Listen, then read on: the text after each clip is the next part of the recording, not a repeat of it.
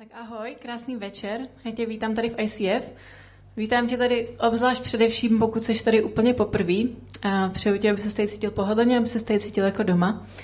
A je super, že jsi dorazil. A jak jsme teď viděli v tomhle videu, tak možná jsi všimla nebo všimla, eh, že se tam opakovalo eh, slovo odevzdat se. A odevzdat se, se Bohu, to se snadno řekne. A často to my křesťané děláme a já patřím mezi ně, že se modlíme a vzdáváme Bohu svůj život, svoje situace, sebe samotný a říkáme si, co to vlastně doopravdy ale obnáší. Eh, co to obnáší to odevzdat se. A je to dost komplexní téma, eh, kdybych ho měla probrat ze všech možných úhlů pohledu, jakým bych eh, ráda, tak bychom tady byli hodně dlouho, ale nebudu vás nutit tohleto podstoupit. Ale jedna z těch oblastí, co musíme udělat pro to, abychom se mohli opravdu Bohu odevzdat, tak je to zranitelnost. A v ICF se téma zranitelnosti v poslední době docela opakovalo. A já jsem to sama nakousla v jednom z mých předchozích, mých předchozích kázání. A tak se mi to líbilo, protože eh, ten zranitelný a tím pádem autentický život eh, uznávám, je mi to sympatický, sama se to snažím, eh, snažím žít ve svém životě. A, ale postupem času mě celá ta zranitelnost vlastně začala trochu štvát. A já, protože toho bylo všude hrozně moc, Eh, bylo toho tolik, já jsem si nepřipadala, že by to moc vypovídalo o tom, co já si o tom vlastně myslím, jak já to vnímám. A není to jenom tady v ICF, není to jenom v církvi, ale i mimo církev eh, se zranitelnost stala docela populární. Je to teď eh, dost takový in téma. A, ale jakmile z té zranitelnosti uděláme něco, co musíme dělat, paradoxně se to změní, obrátí v něco, co nás odvrátí od toho, eh, abychom se s těma našima nedostatkama eh, obraceli k Bohu. A místo toho zůstaneme v tom nebezpečném kruhu toho, že se my snažíme vlastní silou něco dokázat. Ale k tomu se ještě dostaneme dneska. A tak protože jsem to takhle teď nějak eh, prožívala, tu zranitelnost, tak jsem se rozhodla, že tomu nějak přijdu na kloup. A jedna autorka, profesorka na Texaské univerzitě, Brené Brown, která se mimo jiné zabývá taky výzkumem zranitelnosti a dalších jiných vlastností, ji popisuje takto. Zranitelnost je rodištěm lásky, jsou náležitosti, radosti, odvahy a kreativity. Je zdrojem naděje, zodpovědnosti, empatie a autenticity. Pokud chceme vidět jasněji, co je naším cílem, nebo mít hlubší a smysluplnější duchovní život, zranitelnost je ta cesta. A tohle to všechno zní hrozně hezky. Mně se to rozhodně líbí, jako zranitelnost vypadá vážně, vážně dobře v tomhle. A, ale co si pod tím mám představit? A ona v jednom z jejich výzkumů uh, tuhle tu otázku položila stovkám lidí a tohle to byly jedny z nejčastějších odpovědí. Uh, lidé odpovídali tak, že zranitelnost znamená zastat se sám sebe. Uh, že to znamená sdílet nějaký nepopulární názor na určitou věc, že to znamená požádat o pomoc nebo taky říct ne. Může to pro někoho znamenat to, že založí svoji vlastní firmu. Pro někoho to může znamenat, že iniciuje sex se svým manželem nebo manželkou. Nebo jde na první rande po rozvodu. Může to taky znamenat to, že řekneme miluji tě někomu druhému a nevíme, jestli ty naše city budou opětovaný. Může to znamenat být povýšený a nebýt si jistý, že v té nové roli uspěju. Nebo takový naopak dostat výpověď z práce. Může to být taky to, že zkusíme něco nového, že otěhotníme po několika potratech, nebo čekáme na to, až přijdou výsledky z nemocnice našeho vyšetření. Pro někoho to dokonce znamená to, že zranitelnost je sportovat na veřejnosti. Nebo taky požádat o odpuštění, být zodpovědný, žít zodpovědný život a v neposlední řadě taky mít víru. A když se podíváme na tyhle ty věci, tak zranitelnost často můžeme chápat jako něco špatného. Ale opravdu mi tyhle ty věci ne, nevznezní a nepřijdou jako slabosti. Přece uh, to, že se zastanu sama sebe, tak uh, to není nějaká moje slabina. Nebo znamená to, že říct ne je moje slabina? Uh, myslím si, že ne. A naopak zranitelnost vnímám jako něco pravdivého a cítím z ní obrovskou odvahu. A pravda a odvaha eh, nejsou vždycky pohodlný, ale nikdy nás nedělají slabýma. A tak další otázka tohohle výzkumu byla, jak se u toho ty lidi cítí, když jsou zranitelní. Když už teď víme, co ta zranitelnost může být, můžeme si to nějak líp představit. A tohle to byly jedny z těch z odpovědí na tuhle otázku. Je to jako sundat si masku a doufat, že moje pravé já nebude zklamáním pro ostatní. Nebo je to místo, kde se setkává odvaha a strach. Může to taky znamenat spocené ruce a tlukoucí srdce. Nebo taky pocit, který je zároveň vzrušující a zároveň děsivý. Znamená to třeba udělat první krok eh, směrem k něčemu, čeho se nejvíc bojím. A někdo to popsal i tak, že se u toho cítí nepříjemně, je to děsivé, ale činí ho to lidskou bytostí a díky tomu si připadá víc naživu. To se mi ohromně líbí. A pro někoho to může znamenat, že se u toho cítí tak, že zažívá paniku, úzkost a strach, následovaný svobodou, hrdostí a úžasem. Někdo to popsal jako padat volným pádem nebo vzdát se kontroly. A zranitelnost, to je teď dost aktuální téma pro mě, může taky pro někoho znamenat jako stát nahý na pódiu a doufat v potlesk místo výsměchu. A já jsem v minulosti ve svém životě zkoušela asi všechno. Od eh, postoje té hodné holky eh, s tím hlavně se chovej slušně, přes moje metalové období, ano je to tak, eh, s cigárem v ruce a rukou toho sexy kytaristy kolem mýho pasu, protože mi to bylo všechno jedno a bylo to hrozně skvělý. Mám tady podporovatele. a já jsem si říkala, že jo, tohle je bomba, a, ale že hlavně si musím udržet všechny v bezpečné vzdálenosti a nezapomínat na to, abych se nepustila někoho příliš k tělu a abych v každé situaci měla nějaký zadní vrátka. A měla jsem to všechno na háku, ale ve skutečnosti jsem postrádala opravdový propojení s lidma kolem sebe, protože věřím tomu, že autentické vztahy jsou něco, k čemu jsme byli stvoření. Teď odpoledne jsme tady měli briefing předtím, než začala ta celebration se všema, kteří se na ně nějakým způsobem podílejí. Já jsem říkala, že mi to přijde jako takový taková věc, která už je tady od pravěku, že pokud bychom někam nepatřili, tak, bychom, tak by nás sežral mamut a prostě bychom byli v háji. Takže to, že uh, máme vztahy kolem sebe, že máme vztahy s lidma, autentické vztahy, tak je to něco, něco, k čemu jsme byli stvoření.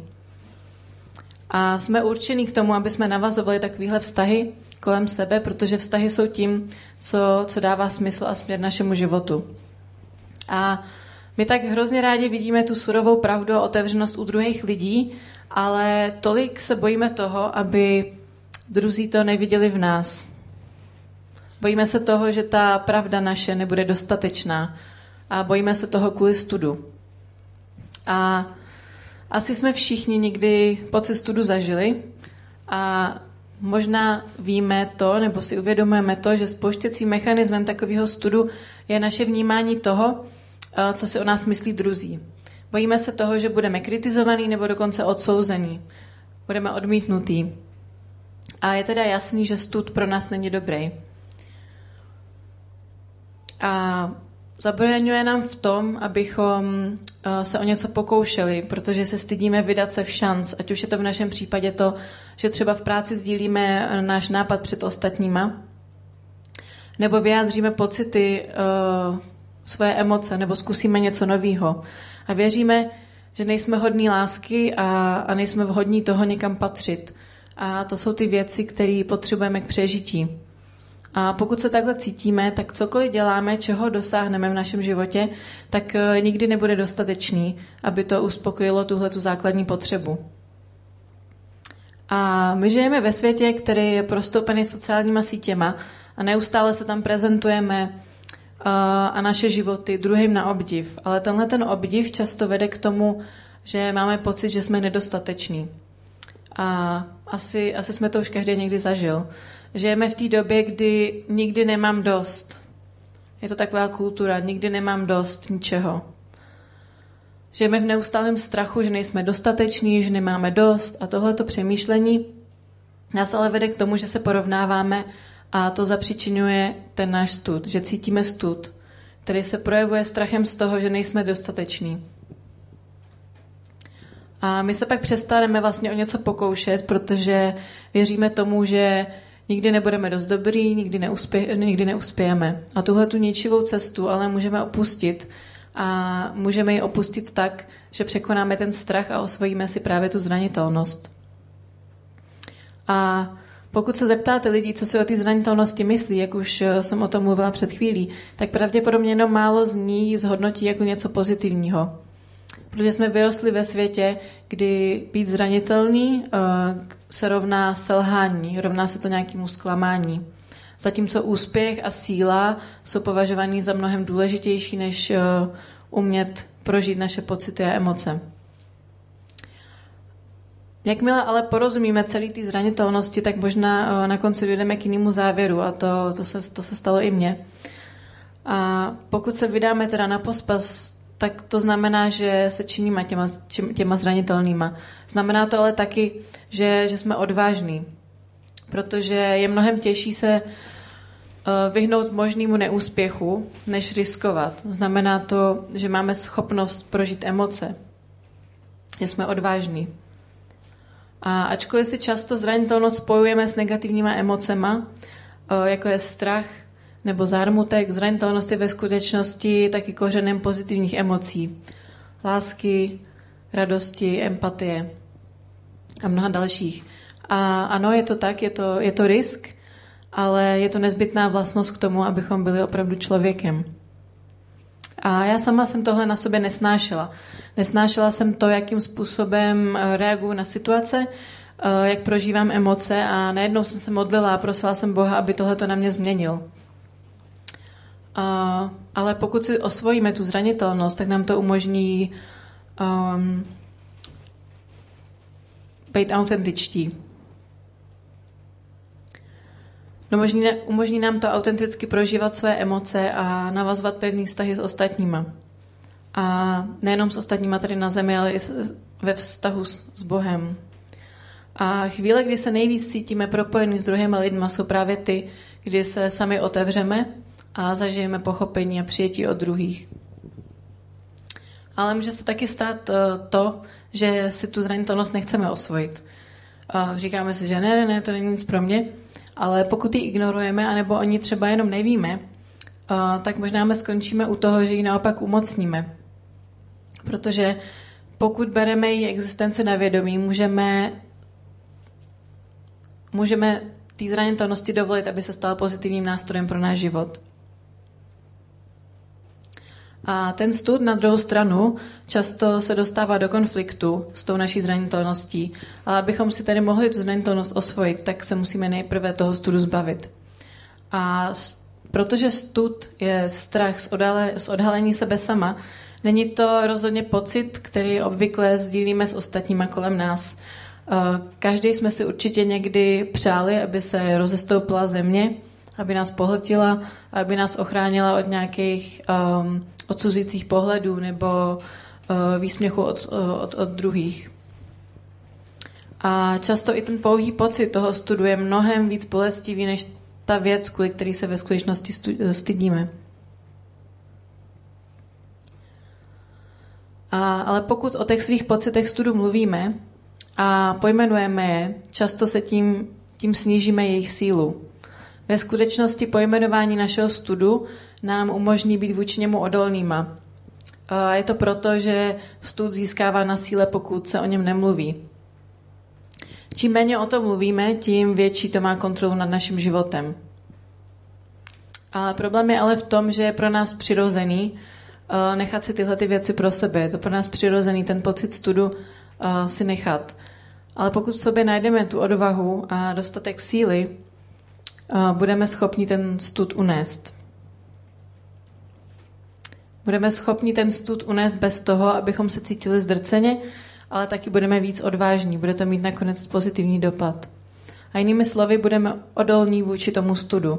Pokud o něm mluvíme, ostatní mohou porozumět uh, našim obavám, strachům a emocím, což jim může pomůže, což jim může pomoct uh, vcítit se do našich emocí, do našich pocitů a pochopit nás. A všichni jsme určitě zažili ten pocit, kdy jsme se otevřeli druhým a naše problémy se rázem rozplynuly a my jsme zažívali ten pocit porozumění. A je přirozený a běžný chtít být lepšíma a získat vše, co chceme. A tahle ta touha je založená nejen na nějaký obecný sou, soutěživosti, ale taky na potřebě chránit se před nějakým utrpením, nějakým zraněním. A říkáme si, až budu dost bohatý, až budu dost populární, až budu dost takový, až budu dost taková, tak eh, potom se té zranitelnosti můžu zbavit. Teď si ji nechám na chvíli, ale až budu takový nebo taková, tak, ji, tak si ji zbavím. Ale ve skutečnosti té zranitelnosti uh, se nemůžeme zbavit, nemůžeme ji přemoct. Jediné, co můžeme udělat, je, že ji můžeme skrýt. A taky zamaskujeme. A čím ji můžeme zamaskovat? Zamaskujeme ji třeba naším perfekcionismem, alkoholem, workoholismem.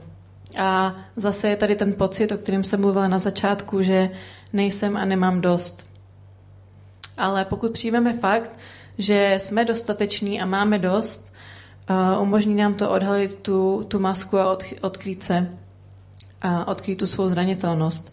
Přestaneme teda tím pádem ničit ty hezký momenty tím, že budeme přemýšlet nad tím a budeme se litovat, že to už brzo musí skončit.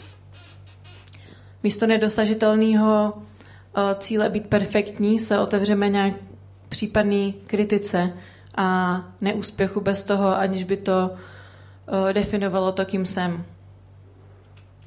A pokud budeme spokojení s tím, co máme, kým jsme, budeme schopni zažívat zranitelnost, budeme schopni odho- odhodit ty masky, které nosíme a slouží jenom k tomu, aby, aby nám ublížili. Bez nich konečně uvidíme sami sebe a dovolíme, aby nás tak viděli ale i ostatní.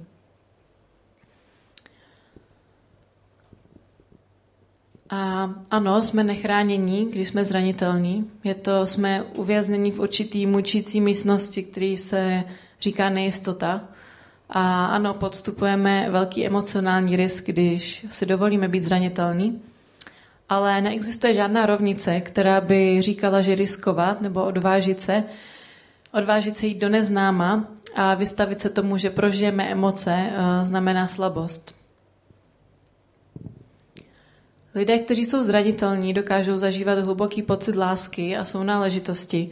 A ti, kteří milují druhé, dávají jim zažít ten pocit té sounáležitosti, tak ti sami potom věří, že, že jsou dostateční, že jsou hodní té lásky a té sounáležitosti. A to zní hrozně hezky. Zní to dobře. Ale neznamená to, že tihle lidé uh, mají lepší nebo snažší životy. Neznamená to, že zažívají méně zápasů, eh, že zápasí méně se závislostma nebo s depresí. Neznamená to, že zažili méně traumat nebo nemocí nebo rozvodu, ale uprostřed těchto zápasů si osvojili způsoby, které jim umožňují se stále držet toho, že jsou hodní lásky a jsou náležitosti a radosti. A já bych se teď ráda podívala na jedno video, který značnou dávku zranitelnosti vyžadovalo. Tak pojďme na to.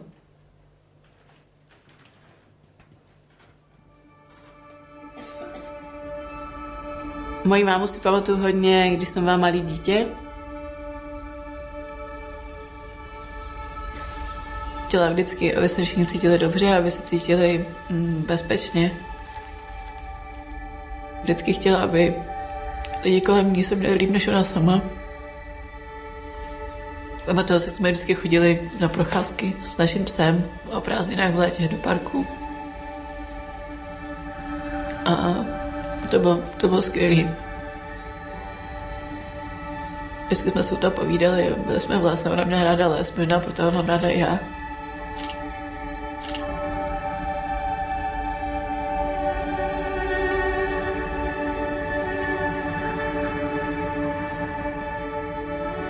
Vím, že ona byla nemocná v podstatě celý svůj život. Pořád s něčím zápasila, ale bylo určitý období, kdy se to, kdy to začalo být horší. Tak to, to bylo docela těžký, takže čas od času jsem se prostě zastavila a říkala jsem, bože, taky pomoc, jestli tady seš, tak prostě něco udělej, udělej nějaký zázrak. Myslím, že to dělá spousta lidí, že když se dostanou do, do úzkých nebo když má nějaký problém a říkají, bože, jestli tady seš, tak, tak prostě pomoz. Já jsem dělala něco podobného. Byla jsem sama doma, když jsem se dozvěděla, že máma umřela. Měla jsem pocit, že je to celý nespravedlivý, že proč se na světě dějou špatné věci. A když přece ona byla dobrý člověk, ona neudělala nic špatného, tak proč by se jí mělo něco takového stát? A zároveň jsem si asi říkala, proč by se něco takového mělo stát mně? Proč bych jako teenager měla přijít o mámu, když všichni mají svou mámu skoro celý život?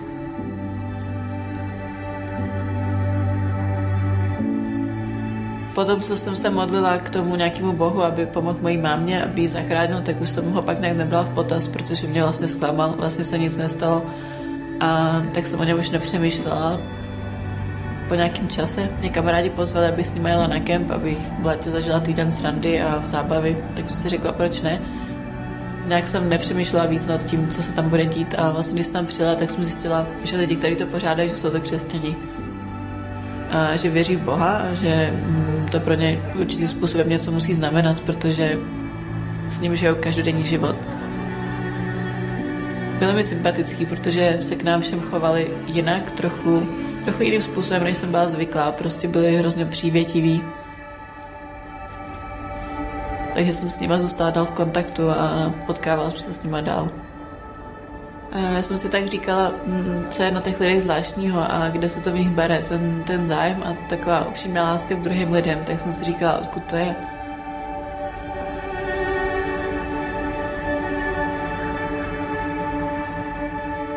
Čím víc jsem s nimi trávila čas, tak jsem zjišťovala, že to není jenom o tom, že oni jsou fajn nebo že děláme zajímavé věci, ale zjistila jsem, že je to opravdu ten Bůh a že On je to, co je činí tak zvláštním a tak specifickým.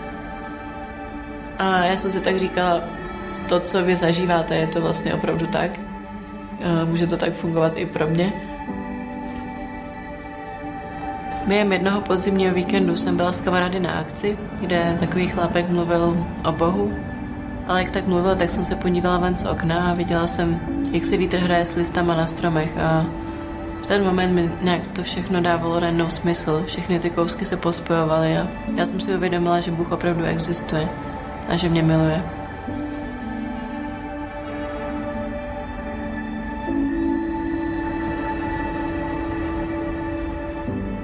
Když jsem se zamýšlela nad tím, co vlastně může pro mě znamenat to, že Bůh je láska, to jsem tak jako abstraktně. Vlastně Ježíš byl a je to reálná osoba a je to reálná osoba i pro mě v dnešním životě. A to, co on udělal, že on zemřel za mě a za moje hříchy na kříži, tak to je velká věc. Ale neudělal to jen tak pro nic za nic, ale protože chce mít se mnou a se všema lidma vztah.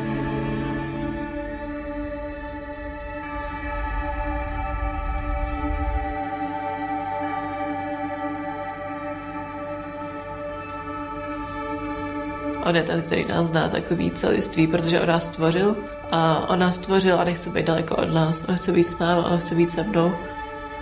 A i když možná předtím jsem se modlila k nějakému abstraktnímu bohu, kterýho jsem ještě neznala, tak eh, teď mi to začalo dávat úplně nový koncept. Začalo to zapadat do sebe a začala jsem si vlastně uvědomovat, že Bůh není špatný, že to, co se stalo mojí mámě, takže to vůbec nesouvisí s jeho láskou ke mně. Nechci říct, že to bylo snadný, určitě to nebylo snadný a byla to těž, těžký období mého života a dala bych něco pro to, abych teď mohla s vámou popovídat, abych mohla teď v pozdějším věku zjistit, jaký má pohled na věci, co si myslí o tom, kam já směřuju, jakým člověkem jsem se stala. Určitě bych si tohoto všechno přála, ale porovnání s tím, co přinesl můj život, když jsem poznala Ježíše, tak to je neporovnatelná věc a nemůžou to dát nic jiného na světě, žádný jiný vztah tady na zemi, nemůžou to dát žádný jiný potěšení, žádný peníze, nic z toho, co dělá. Ani jak úspěšný nebo neúspěšný je, nic z toho mu nemůže dát to, co, co člověku dá Bůh.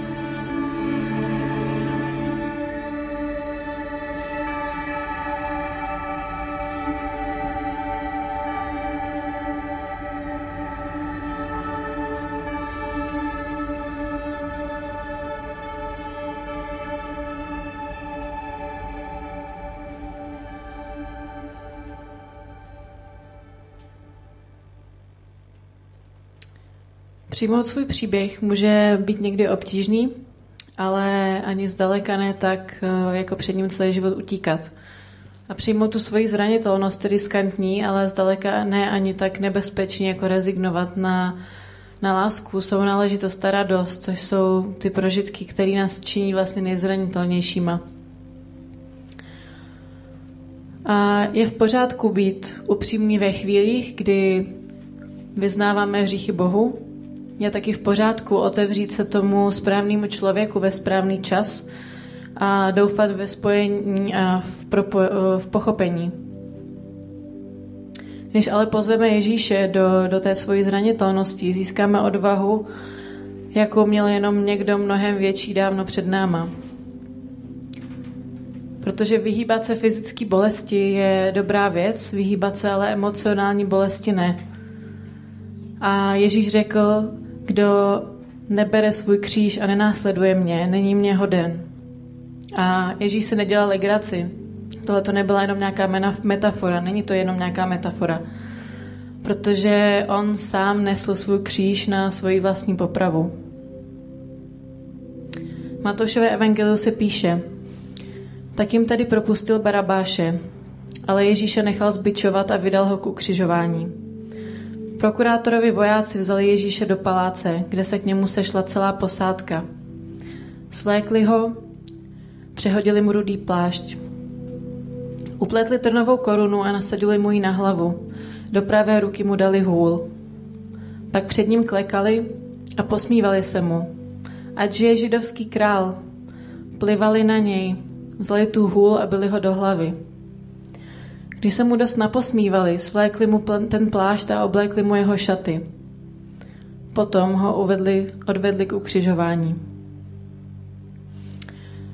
Ježíš toho učil hodně o, o radosti a o lásce, ale o, e, nikdy neučil svoje následov, následovníky to, aby se vyhýbali bolesti. Právě naopak. Ježíš nás učí to, že postavit se utrpení správným způsobem je důležitým elementem v rozvoji, v rozvoji našeho charakteru a naše zranitelnost vůči utrpení nejen, že není špatná věc, ale je to nejlepší cestou k tomu, aby jsme objevili, kým Bůh vlastně je.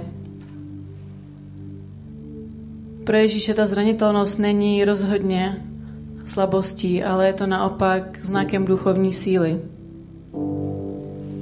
Zranitelnost je o tom, co v nás Bůh může udělat. Když jsme zranitelní v boží přítomnosti, tak skrze nás Bůh může mocně jednat. Zranitelnost vyžaduje poddajnost, vyžaduje důvěru, že nás Bůh zaopatří tou veškerou ochranou, kterou potřebujeme. A tak nás vyzývá, vyznávejte si navzájem své hříchy a modlete se jedni za druhé. Neste břemena jedni druhých,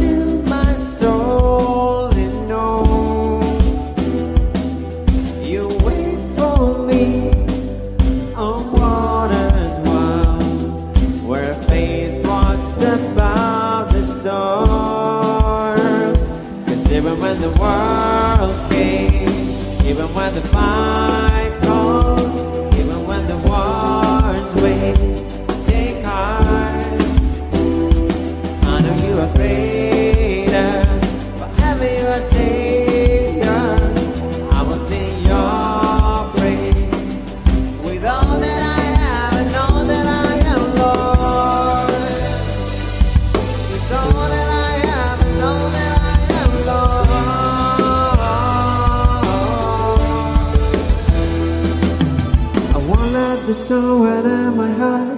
I won't let the darkness beat me down. Seen in the night my hope alive for you. I'll walk through the fire and not be burned. Pray in the fight and watch it turn. Jesus, right now I give it all to you.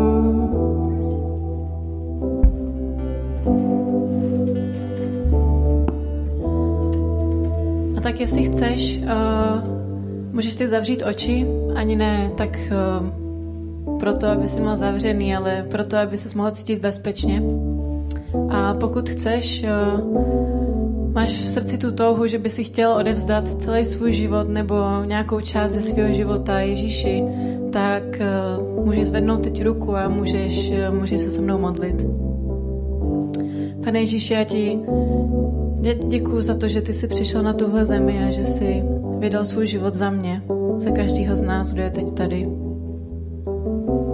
Děkuji ti za to, že ty jsi byl ten nejodvážnější před náma a díky tomu my můžeme mít odvahu být zranitelnýma.